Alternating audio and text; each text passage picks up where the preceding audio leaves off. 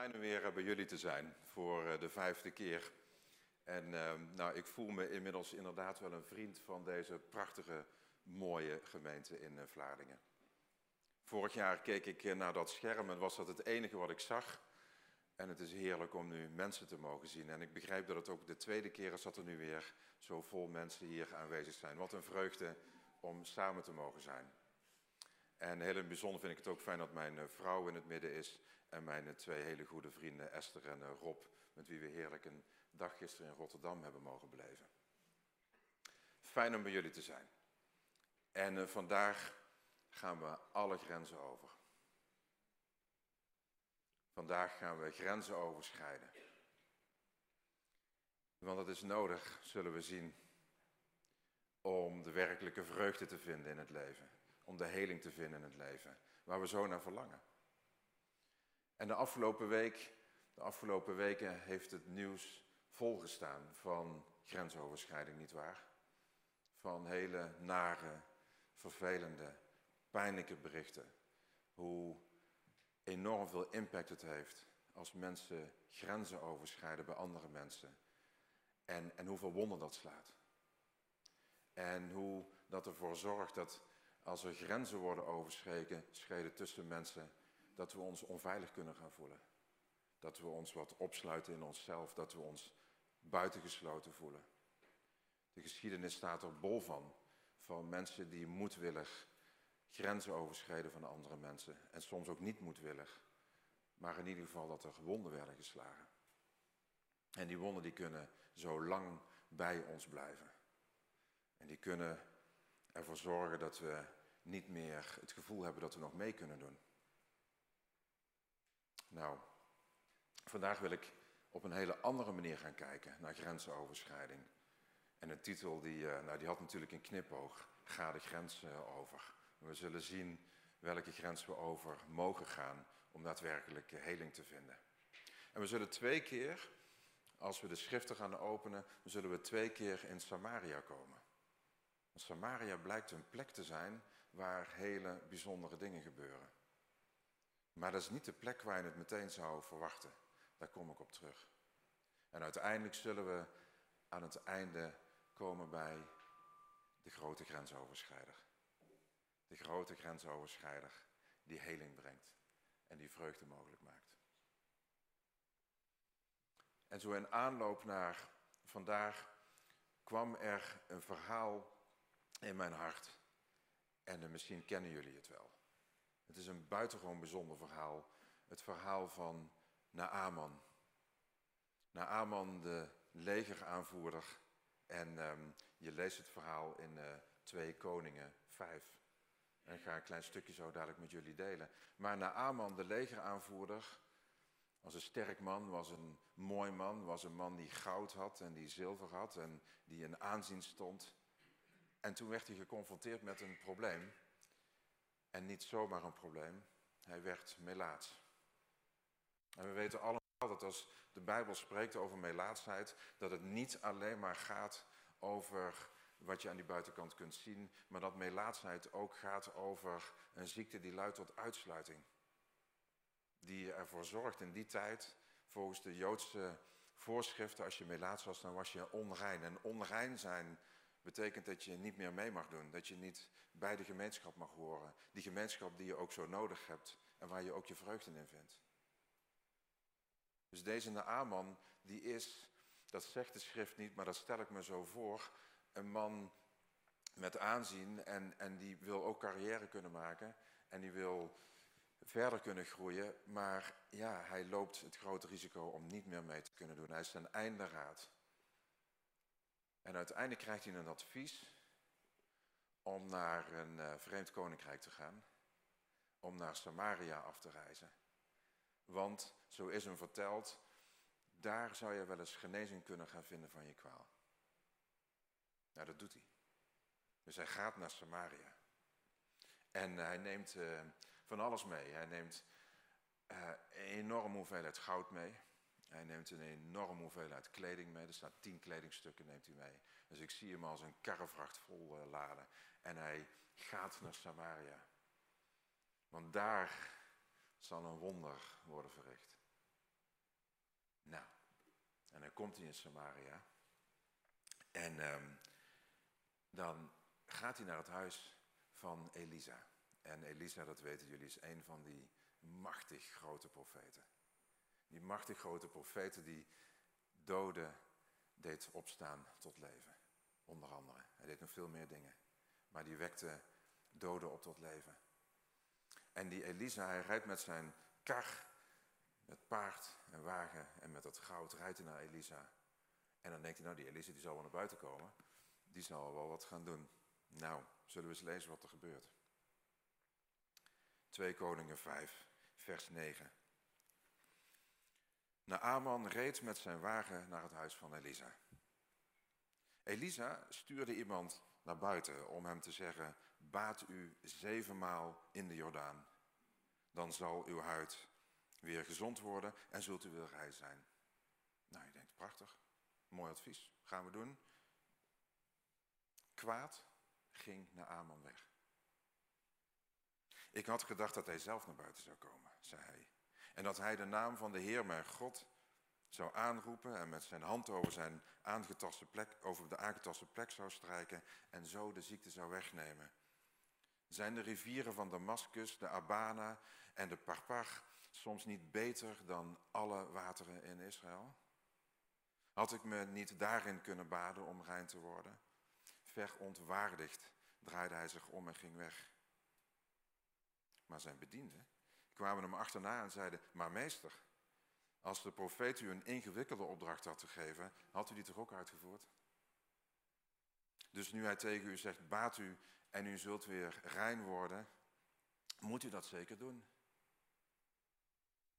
Hierop daalde de Aman af naar de Jordaan en dompelde zich zevenmaal onder, zoals de godsman had gezegd, zoals Elisa via zijn boodschapper had gezegd hij dat moest doen.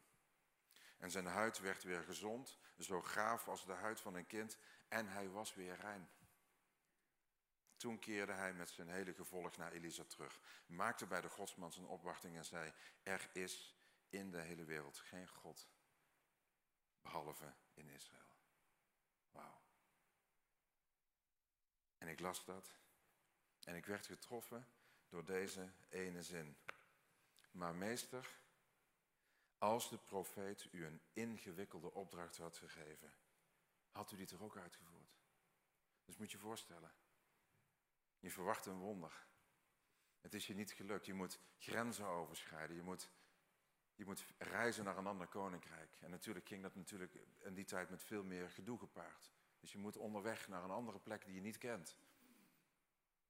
Want daar verwacht je het wonder. En dan kan het toch niet zo zijn dat je met al dat goud en al die moeite, dat je daar aankomt op een plek en dat het dan zo eenvoudig is dat je zeven keer in het water moet onderdompelen om dan te genezen. Zo simpel kan het niet zijn. Misschien is het wel zo simpel. Misschien moest Naaman hier leren dat hij zijn trots moest afleggen. Dat hij zijn ballast moest afleggen. Dat hij moest horen en zien dat die genezing misschien helemaal niet met heel veel uiterlijk vertoon en grote rituelen gepaard hoeft te gaan.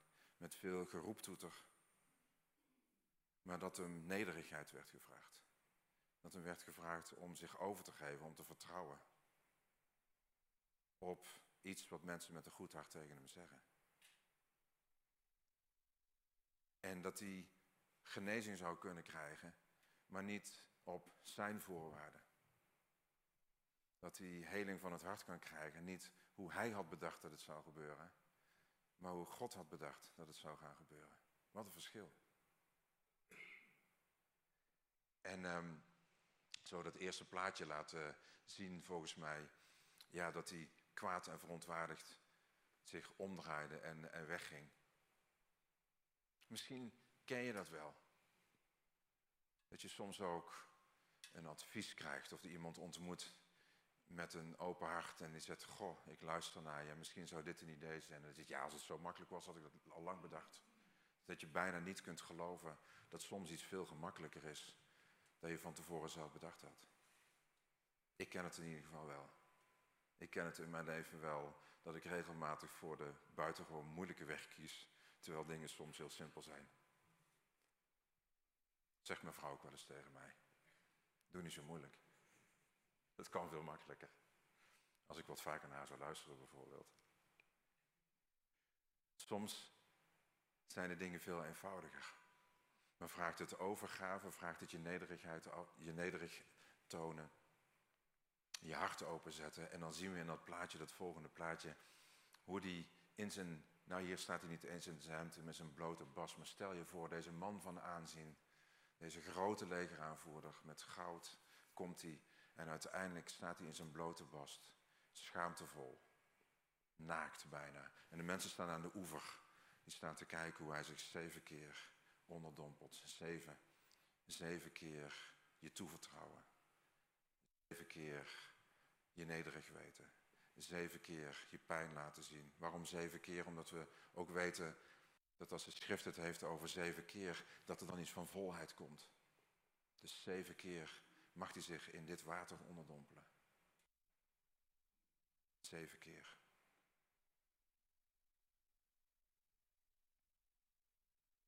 Zeven keer. Hoe is dat met u? Heeft u het ook wel eens dat je moet blijven oefenen? Niet één keer, niet twee keer, niet drie keer, niet vier keer.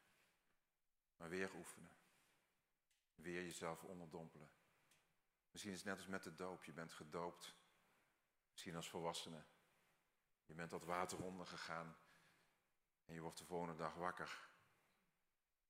En je voelt wel hoop. Maar je bent er niet genezen. Nee, misschien is de doop, of dat nou als kind is of als volwassene, ook wel een teken van een begin van een oefenreis. Je mag het elke keer weer opdoen. Je moet er steeds opnieuw aan herinnerd worden dat je dat water in mag gaan. Dat je de grens over mag gaan. Toevertrouwen aan het water.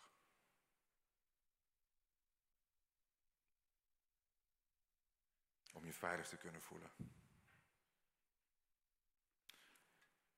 En wat ik wel zo ontroerend ook vond, is dat hij naar Aman dus ook denkt, ja ik heb dat goud helemaal niet meer nodig, want dat goud nam hij dus allemaal weer mee terug. Dat lezen we verderop in het verhaal. Dus hij heeft tien stuks kleding, kilo's aan goud en zilver. En die moet hij op die kar allemaal weer mee terugnemen. Dus dat heeft hij niet nodig.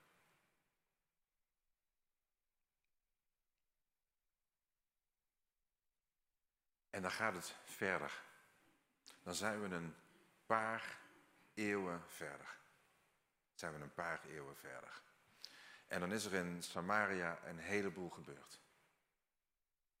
En dan weten we als we in het Nieuwe Testament gaan kijken dat Samaria staat voor een plek waar de Joden niet kwamen.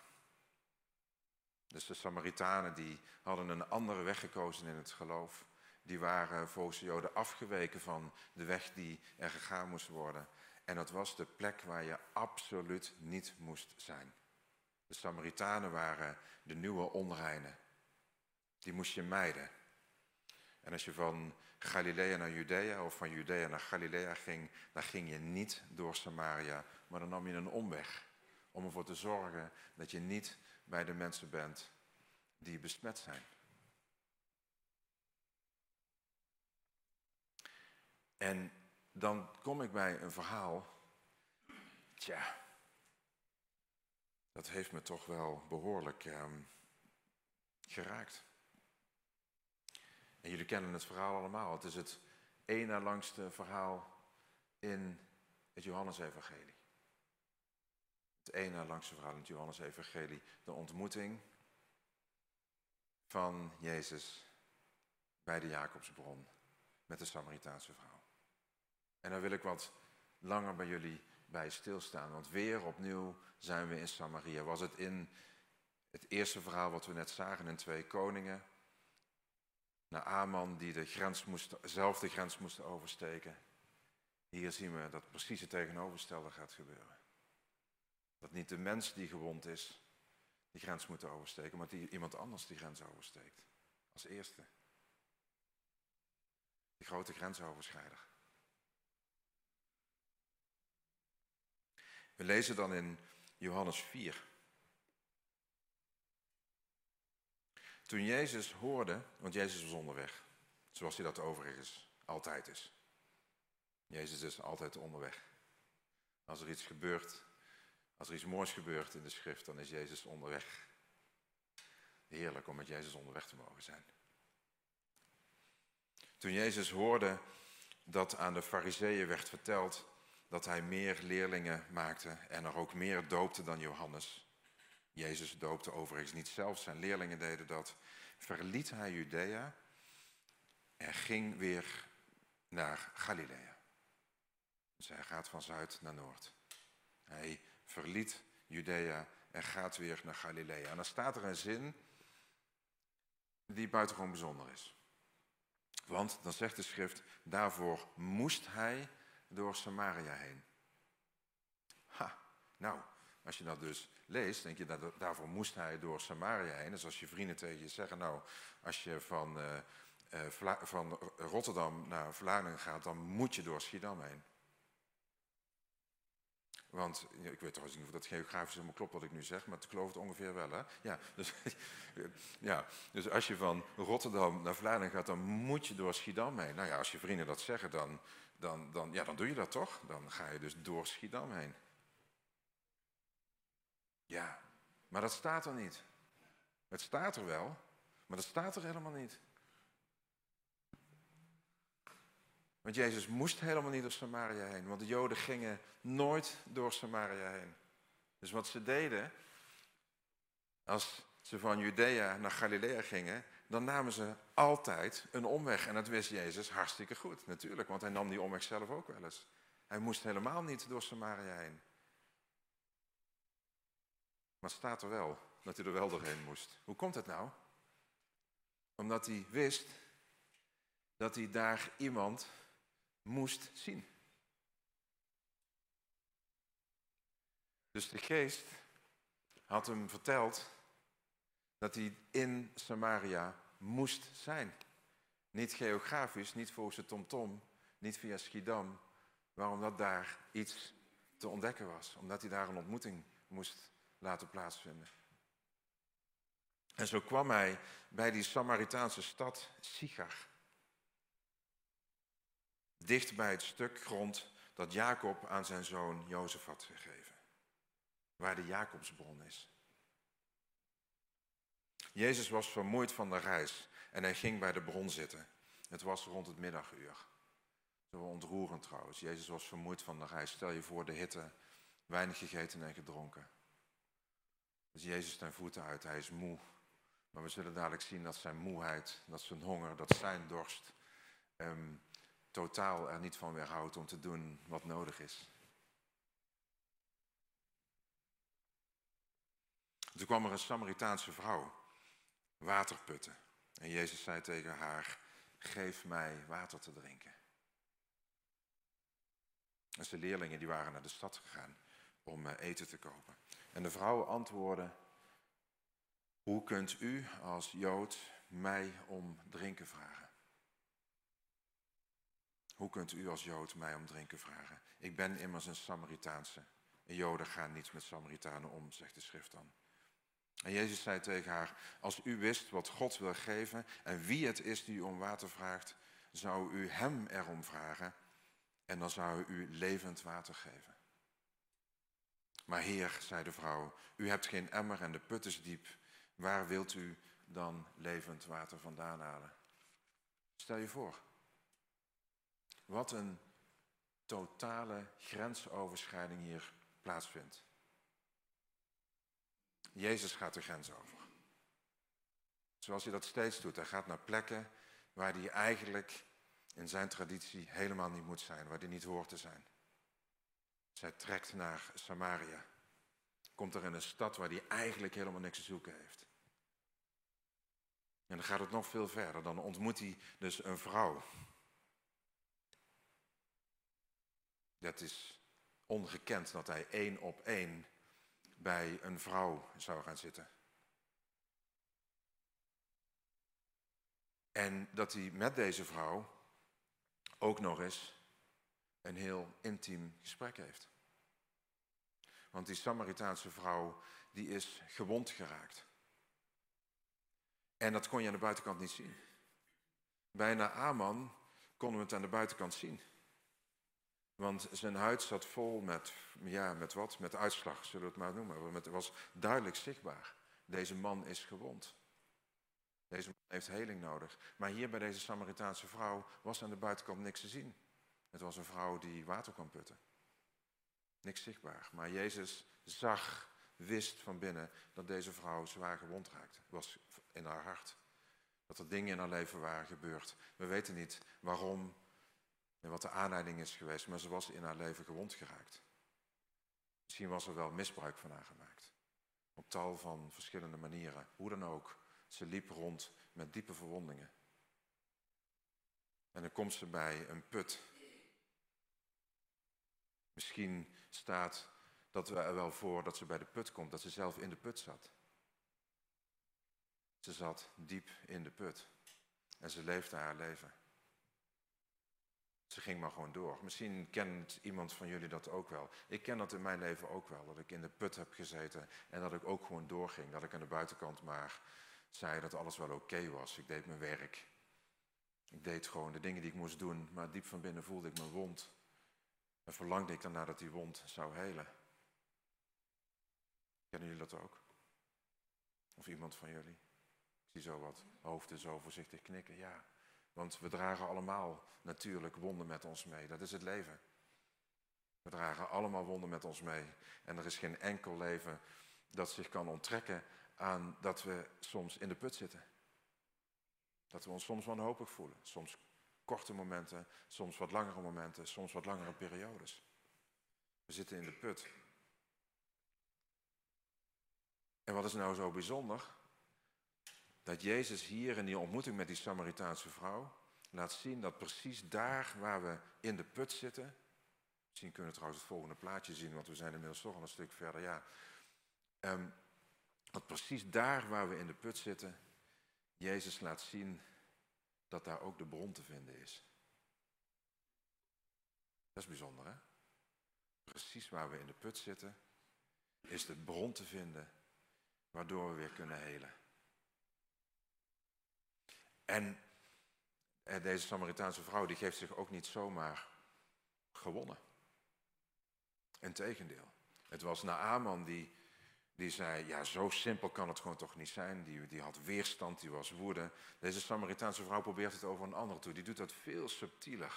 dat is prachtig. Dus, dus Jezus heeft een gesprek met haar.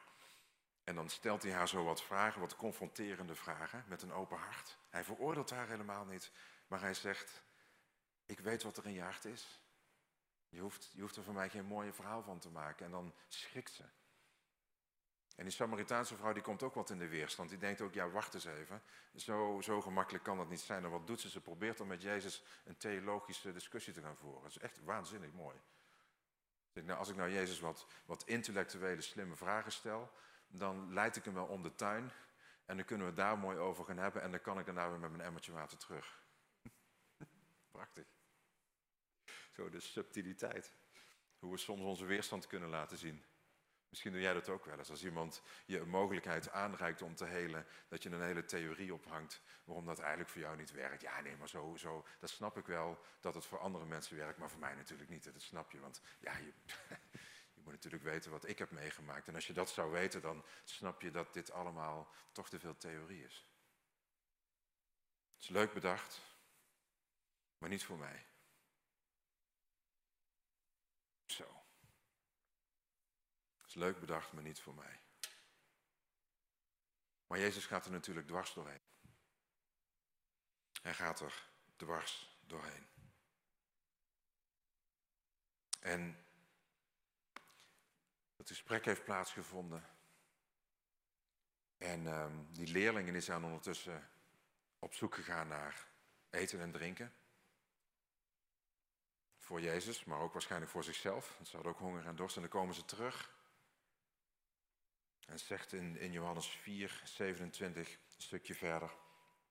En dan staat er, op dat moment kwamen zijn leerlingen terug en ze verbaasden zich erover dat hij met een vrouw in gesprek was. En nogmaals, dat was ongekend.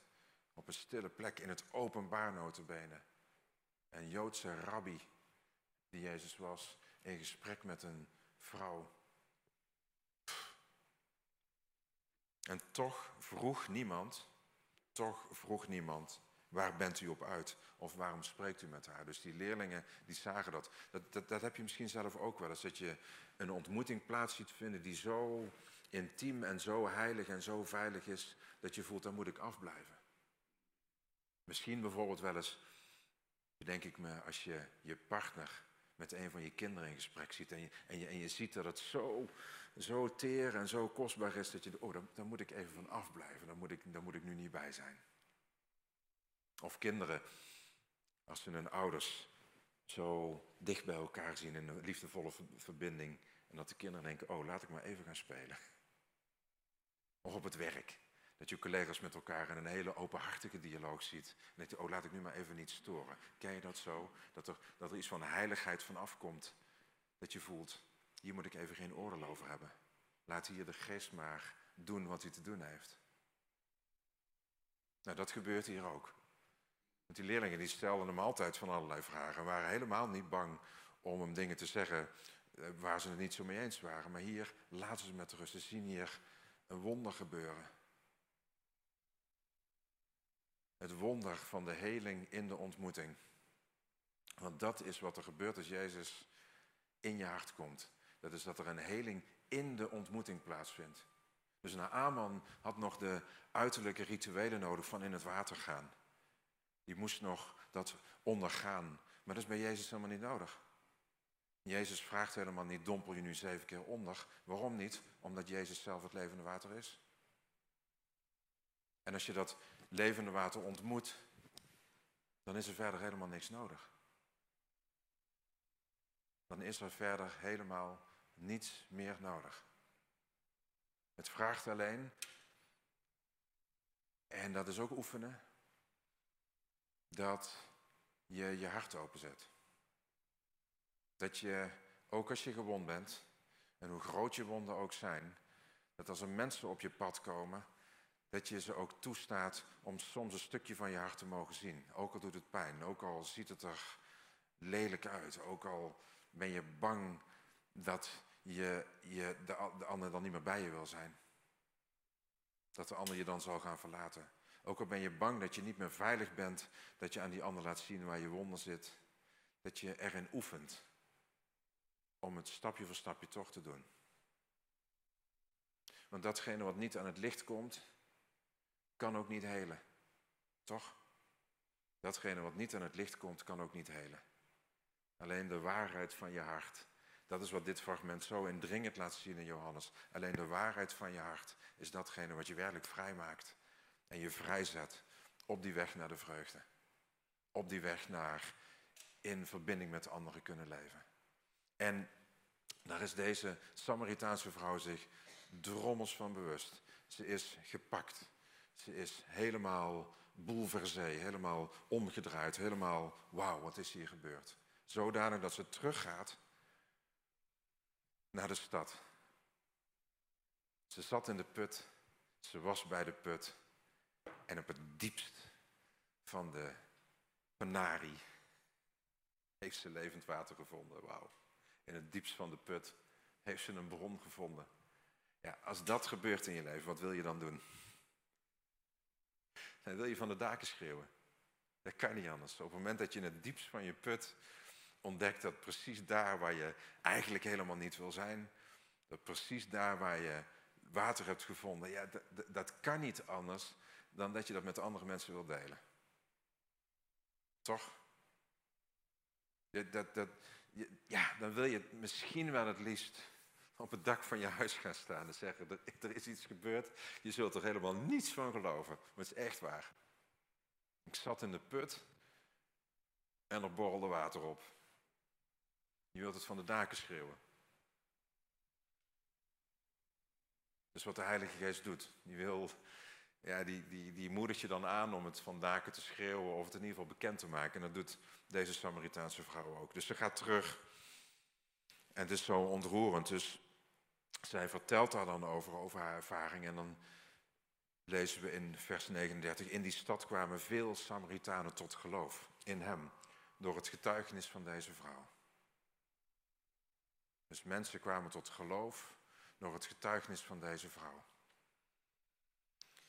Ja, dus als we heling vinden, is dat waarschijnlijk ook iets wat we niet alleen voor onszelf moeten houden, maar waar we vanuit moeten delen.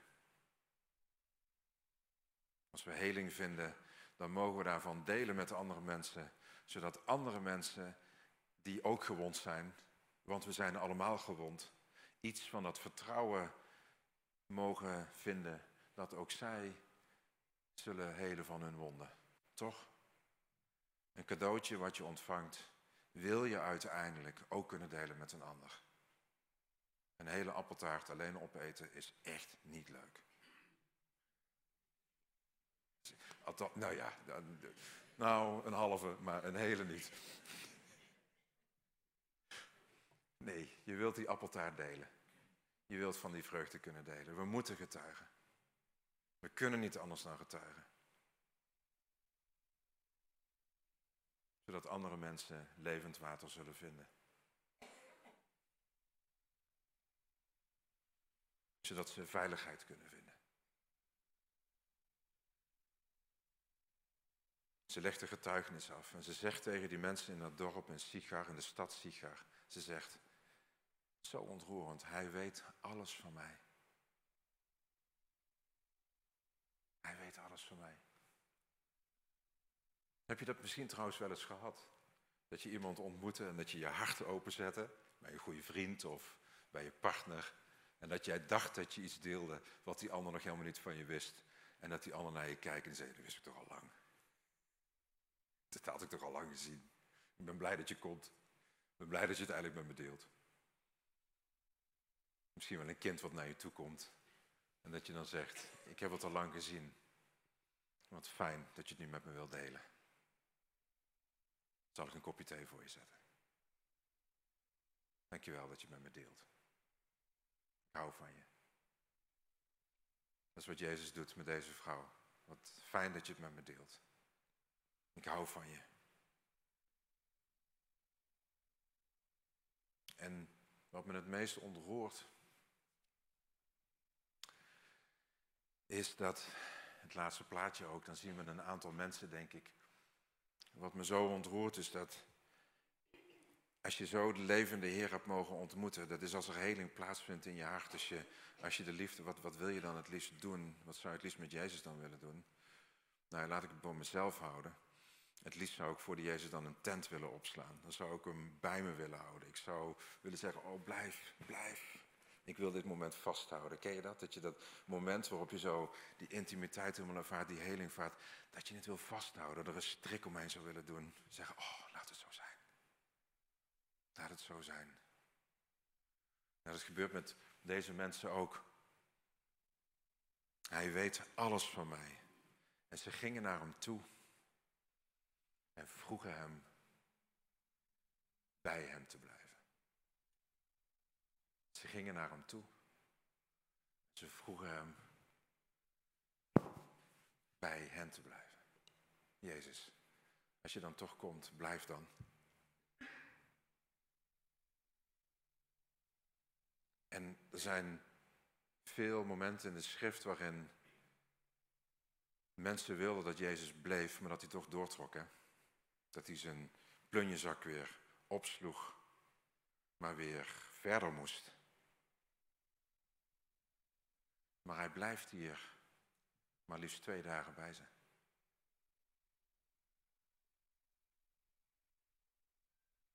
Hij blijft twee dagen bij ze. Ik vind het machtig mooi. Uit het diepst van de put welt het water op. En de heling is zo diep.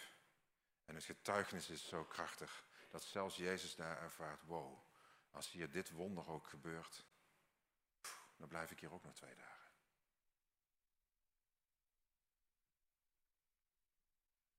En dat is wat ik ons allemaal toewens. In deze tijd waarin we leven, waarin voor ieder van ons zoveel wonden zichtbaar worden. We zien het in de afgelopen twee jaar op tal van terreinen van ons leven. Wonden worden zichtbaarder, worden meer aangeraakt. En hoe meer wonden zichtbaar worden, hoe meer dat betekent dat ze willen helen, nietwaar?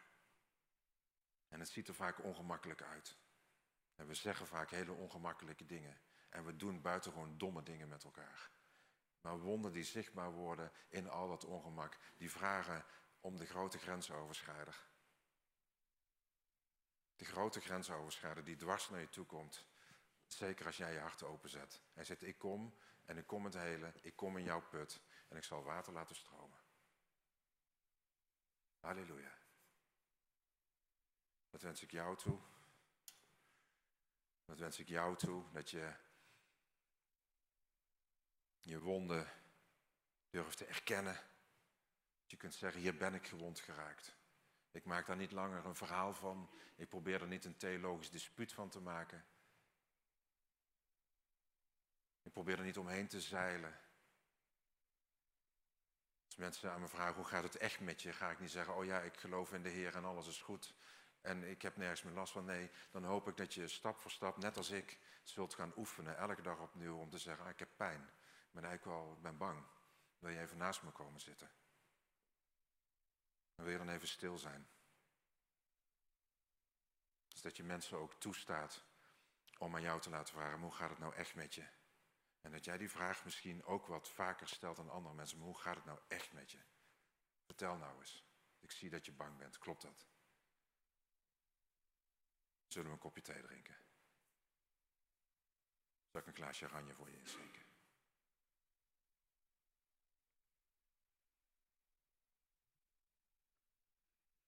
Ik bid, lieve Vader, in de hemel.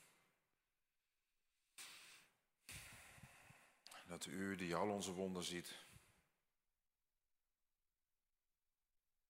die ons kent vanaf het begin en, die, en u die weet waar we pijn hebben, waar we vermoeid zijn geraakt, waar we het soms niet weten, waar we wanhopig zijn. Waar we zo verlangen naar vreugde en verbinding en heling en plezier kunnen maken, samen kunnen zijn. Ik bid u, Vader, dat u dan rechtstreeks naar u toe komt, dat u alle grenzen overschrijdt. Dat u door alle muren heen komt, alle muren afbreekt en dat u rechtstreeks naar ons hart komt, naar mijn hart, naar ons aller hart. En dat u vragen gaat stellen. En stil durft te zijn met mij, met ons. Zodat dat water kan stromen in mijn hart en in alle harten van hier, de mensen die hier aanwezig zijn en de mensen die kijken en iedereen. Kom vader, kom dichterbij. En wilt u dan bij ons blijven? Wilt u dan eigenlijk maar gewoon heel ons leven bij ons blijven? En wilt u ons aanmoedigen, als we dat ervaren, om daarvan te getuigen, om de wereld te vertellen over hoe goed het is als u dichtbij bent. En hoe fijn het dan is en hoe mooi het dan is. Dat vraag ik u, eh, Jezus. Kom. Kom dichterbij.